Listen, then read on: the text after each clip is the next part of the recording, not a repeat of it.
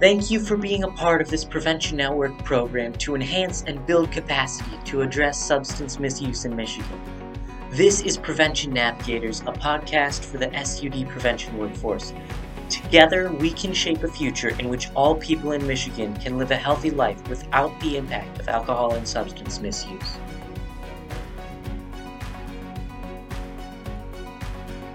Well, good morning. My name is Ruth Schwendinger. I get to work at Prevention Network as a program coordinator for Coalition Support Community Change. And today we're, we're being joined by Joel Hefner, who is currently serving as a supervisor at Community Mental Health Authority of Clinton, Eaton, Ingham counties as a prevention and outreach coordinator. He's contracted training consultant with the Michigan Department of Health and Human Services, providing a variety of annual trainings to the behavioral health workforce. Joel has a long history of providing leadership direction and individualized technical assistance. Joel, this morning I want to also highlight that you are previous chair and, and, current member of the State of Michigan Training Advisory Council, as well as the current chair of the State of Michigan Epidemiological Outcomes Work Group that operates through MDHHS. Executive board member of the Michigan Association for Suicide Prevention and the Michigan Certification Board for Addiction Professionals and the Tri County Crisis Intervention Team. So when we talk about experts, Joel definitely has top ranking here. So thank you for being here with us today, Joel. Good morning, Ruth. Thanks for having me. Today, we're going to focus in on sustainability. And that seems like a buzzword to me. That seems like one of those things that just gets thrown into presentations because we all know it's important, but we're not sure why, and we're not sure how it relates to us when we're talking about sustainability within the strategic prevention or planning framework, what does that mean? You know, it, it totally is a buzzword. So I, I'm glad you, you asked it that way and stated it that way because people get into the rut of just thinking it's some some other thing that we're talked about or we talk about and, and then we move on uh, with our day. But really, what the sustainability concept is talking about within the strategic planning framework is this isn't a sprint this is a marathon. Uh, we have to think about long range planning. We have to think about we are trying to sustain our efforts over time. For the coalitions and, and community groups that operate out there, uh, they're not a one year group, they're not a two year group. For me, this uh, is incremental change of a community population over time to reduce substance use, misuse, and abuse and the consequences uh, uh, that go along with that. So for me, it's really about thinking about uh, sustainability as not a sprint, but a marathon uh, of something we need to be concerned with over time. I love that analogy. And to take it one step further, it's also a relay. Right. We need to be prepared to pass the baton. We need to be prepared to um, to be working with others to take over so that we're not carrying that burden all by ourselves. And so I, I love that analogy. Thank you. It is not a sprint. Right. Right. And I, for me, it's, it's the why is so important. Uh, so we can, you know, talk a little bit more about this is people have to understand there's so much change happening in our communities, in our coalitions, in our uh, activities and networks. So for me, the why of sustainability is because so much happens to coalitions and community networks over time that we have to plan and prepare for those changes. In order to achieve the true outcomes over time, we must be mindful of our ability to sustain an effort over time. Changes in coalition staffing, leadership, membership, executive committee, and our subcommittee members. Uh, beyond the coalition, we're talking about uh, we have to account for changes over time in the environment, in the systems of care that we operate in, in the funding levels, partnerships, and professional networks as well as the cultural and social uh, societal norms. So it's really pivotal. It's really important to think about all the different things that impact coalitions. I just want folks, when they're thinking about this, when they're listening to this, take a moment and think about how much change has impacted your coalitions over the past two or three years. Just think about that time frame alone and how much change has occurred in staffing, membership, leadership, funding, structures, partnerships, systems, whatever you can take in, whatever you can breathe in. I think that's important to consider when we're talking about the importance of sustainability because we are all tasked as coalition staff and coordinators with either establishing coalitions or continuing to strengthen existing coalitions, as we said before, in their overarching goal of reducing the societal impacts of substance use, misuse, and abuse. Think that it's important to focus too on not just on our individual responsibility, but as a coalition, if we don't have systems and practices and policies in place, if we're just dependent on the knowledge and experience of those individuals who who served for a few years, um, who've been around for more than two years, we're we're completely missing the point of sustainability. In your prevention prepared communities trainings, uh, you talk about two kinds of people: events focused and systems focused. And in talking about sustainability, often those events focused people think that about sustained funding for programs or activities which have been initially successful. How can we keep this program going? We need more funding for this. But we want to shift that type of thinking from sustaining programs to sustaining outcomes. Can you kind of expand on that a little bit as far as partnerships and volunteers and some of the different things that we need to consider and just dig a little deeper there? I know you already listed some of them and that's great. You know what it brings it back to? It brings it back to the marathon acronym and and concept as well as your relay. This is a relay. So the idea that staff take a position, they carry it forward and enhance the work and expand the work, and then relay or carry it on and hand it off to uh, the next staff or coordinator or uh, uh um, agency host or or coalition uh, network. So it's it's really important to think about that when we're thinking about what I'm going to share really quickly as best I can uh, with a quick anecdote around what I talk about in my trainings in the PPC Prevention Prepare Communities 101 training event oriented thinking versus systems oriented thinking. And for me, just uh, hear me out a little bit with this. What I've read and what I've found is everyone in the world can be divided into two groups based on how they see the world around them event oriented thinkers and system thinkers. So there's really two distinct ways of thinking. Most people, uh, probably over 95% of are orient uh, event oriented in their thinking. They see the world as a ragtag collections of parts and events. Each event has a cause, and if you want to solve a problem, find the cause and fix that. This thinking works on a ton of things cars, machines, all kinds of different things, but not on more complex things like obesity, addiction, disease, etc. Applying this mindset to the global environmental pollution problem, for example, they see people's misbehavior as the cause of the problem. The solution then is to get people to stop behaving so irresponsibly. This can be done with laws stating what to do and not to do. So we have littering laws, plus emotional appeals to be nice to the environment. We have Earth Day. When that solution fails, as unfortunately it has over the 40 years, uh, folks just throw up their hands and call it a hard problem. This mindset is also known as classic activism. So the event oriented thinking uh, has shortfalls, as I explained there. Now, system thinkers see the problem entirely differently. They see swarms of agents, populations exploiting the earth for their own benefit and population growth. They also see ocean pollution, ozone pollution, emissions from industrial facilities and vehicle exhaust, so system thinkers don't see people's misbehavior as the problem or as the problem at all. Instead, they see the structure of the entire system as causing that misbehavior. And that's really a key distinction. To solve the problem, system structure must be understood and changed so that those systems can be redesigned to cause people to have to behave sustainably as a natural part of their everyday existence. And I love that. If I was to see promotion and education and policy around you know being green and supporting your your environment um, being environmental friend environmentally friendly that statement of uh, helping people behave sustainably as a natural part of their everyday existence. That just that's just a nice way to, to state that. This takes far more work than I'm writing a few quick new laws and pleading to save the world. So again a big difference there. And here's the relation to substance use disorder. Similar to substance use disorder or other behavioral health conditions which take much more than simply implementing a program or two and telling people drugs are bad or take medication to address their condition. System thinking helps us to see how to change systems more effectively and actually impact change in our communities. So what I say is systems thinking is, a, is also a diagnostic tool. As in the medical field, effective treatment only follows a thorough diagnosis. You have to diagnose someone before you treat them.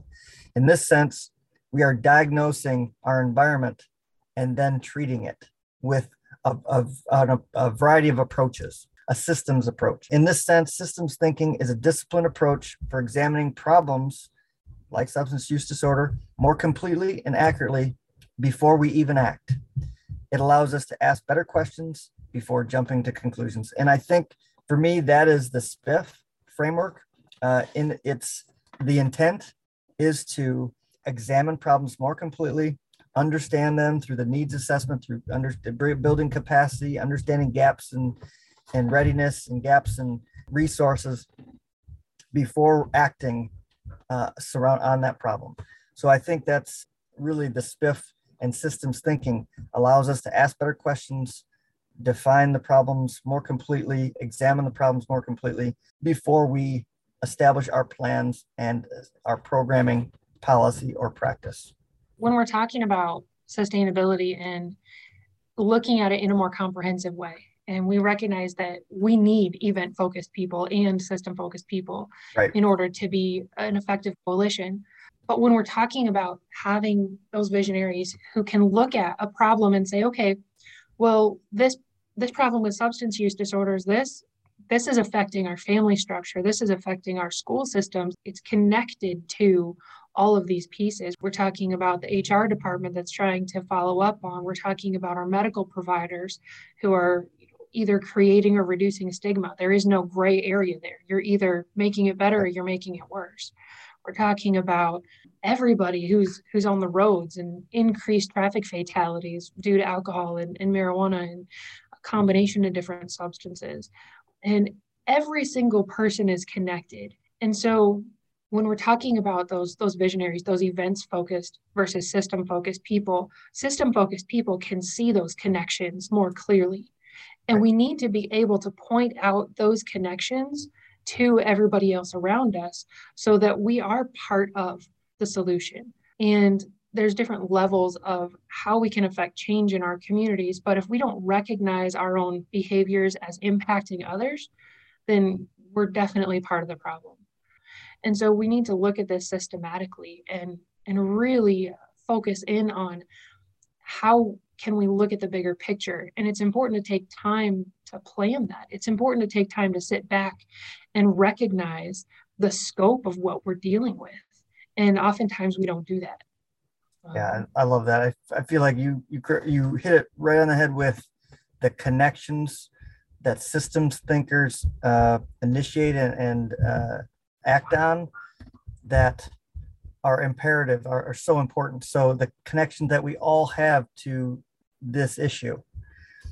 And i think the partnerships are key because and one i would, would pick on uh, right away is um, our crisis intervention team training. So we are basically empowering our law enforcement to understand substance use misuse mental health issues folks in crisis having them understand those issues on a higher level so they can address and adjust their approach to those individuals. And that is huge in solving the larger, broader issue of substance use disorder issues uh, and the consequences uh, surrounding them. So, law enforcement, your HR, uh, human resources departments have an amazing impact in how they support their staff in addiction, in finding treatment, in getting screenings, in getting counseling, if they're not aware of how they can be a part of the solution, they're not aware and they're not involved. So the idea, I mean, you can go through, I love your list of how many different systems and groups and networks are connected to this issue. School districts, parent groups. It's just amazing. Health and human service agencies, obviously health hospitals, healthcare, the courts. But if they aren't aware of how they're a part of the system and a part of supporting this issue or addressing this issue, we're on our own.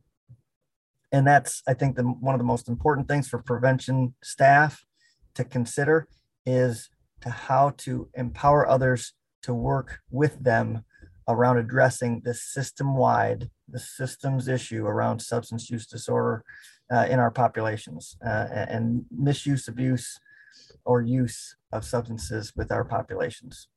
And for me, that ties straight into sustainability. Have other people take ownership.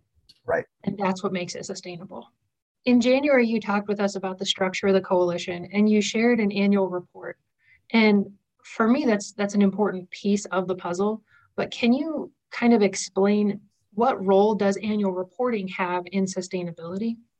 Sure, sure. Uh, for me, they're they're integral. They're really a, a nice um, opportunity for coalitions to promote themselves. And what I say is, annual reports allow agencies and coalitions to highlight the programs, partnerships, and investments made to improve the health of their communities. And they really are. They're, you know, uh, receiving grant funding, federal funding, state funding, block grant funding, PA2, uh, Public Act 2, uh, liquor tax funding, or other dollars. And those are investments to improve the health of their communities. Annual reports are an effective promotional, communications, and reporting tool. They do an amazing job at promoting your activities, communicating your worth or your value in a community, and reporting to your funders or your uh, leadership or your commission uh, in a county. They further align important partnerships and provide it, from, for me, this is the favorite part, type of a business card for coalitions and their membership. So annual reports are the business card. If you can complete a one pager, a two pager that gives a some background on what you've been doing this past year or the previous years, all your membership have now now have a, a business card that they can share and promote surrounding your efforts in, in your community. Thank you for for explaining that a little better. I think that when we're talking about sustainability for coalitions, a lot of things that we can include in the annual report are those successes, but we also need to recognize those challenges Last year, a lot of coalitions had to return some of their SOR funding, and it was just cut in half or a third. And on top of not being able to do work in schools and just staffing being reallocated to addressing COVID-19 crisis and trying to get testing out and, and serving in many different roles. A lot of our coalitions don't have don't feel like they have time maybe to complete an annual report especially if it's a smaller coalition with you know five members six members and and a, a cadre of volunteers but how important is it to have a business card of, of that annual report well i think you can have a brochure of your coalition of your uh, initiative of your programming but for me an annual report can serve as that brochure and probably a more uh, impactful brochure so uh, flyer of your coalition i think I have the uh, instruction template that's uh, available, and I provide it in my trainings, um, and it breaks down the questions to answer. So it's and it's really fairly straightforward and can be done fairly quickly. Uh, it shouldn't take a ton of time. We're talking about, you know, who is your what's your funding that's coming in, what the mission vision of your coalition. Talk about your prevention system if you can, who your allies are, who your networks are, and what are your outcomes? What what types of things have you done uh, with programs?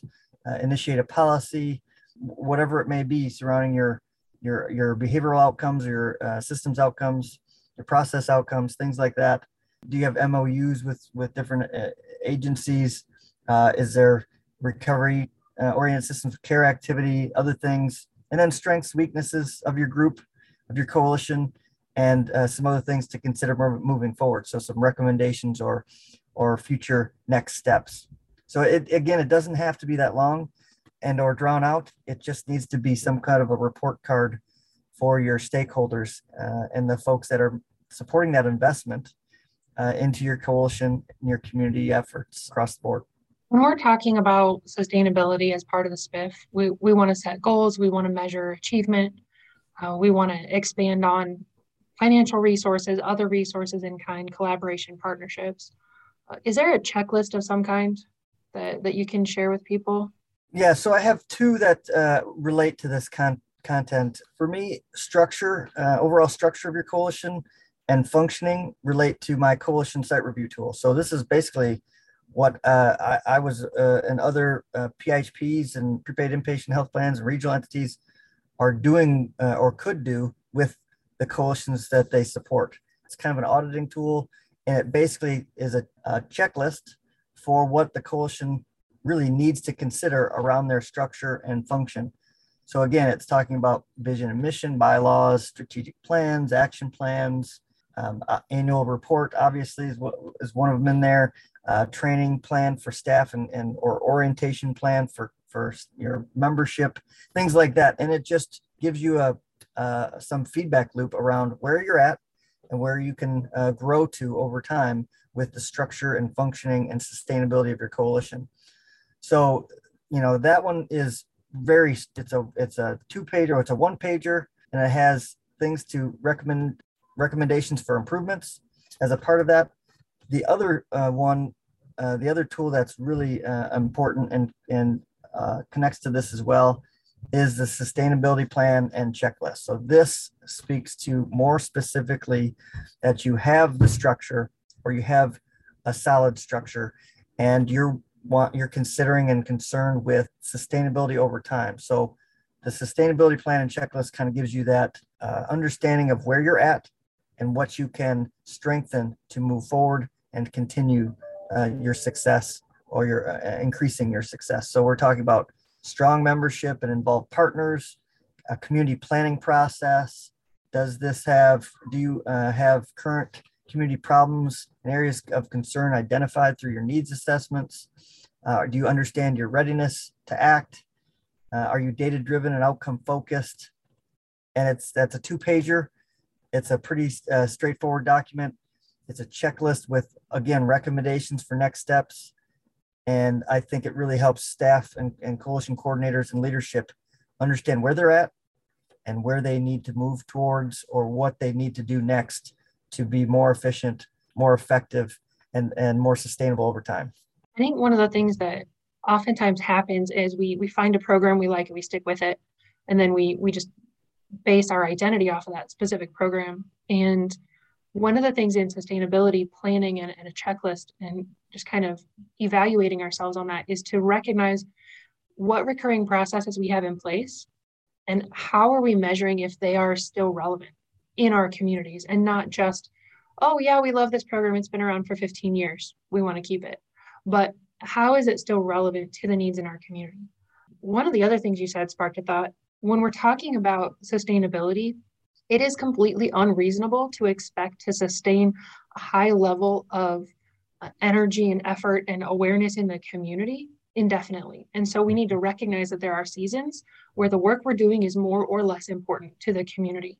And during those seasons where things are not happening as frequently, that's our opportunity as a coalition to regroup, to reevaluate, to to do the planning that needs to happen so that we can be more effective in the future. Yep, I, I get a lot of uh, coalition coordinators and staff and even membership saying, "I'm I don't want to plan anymore.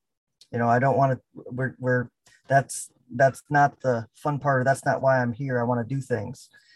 But it's really, really important to understand the why behind that and the importance of the SPIF, the planning process, the data collection, the you know the data analysis, and the um, the planning uh, around that. It, it is just imperative, and that's like you said. Let's make a season for that. Let's make let's take time to uh, make sure that's a priority. I would encourage folks to identify where they're at as a coalition and what types of tools and resources we've discussed here and within the workshops uh, that they've been a part of will assist them in enhancing their overall structure, function, capacity, or sustainability as a coalition. And from there, reach out. Uh, I encourage them to reach out uh, to Ruth or myself for for technical assistance.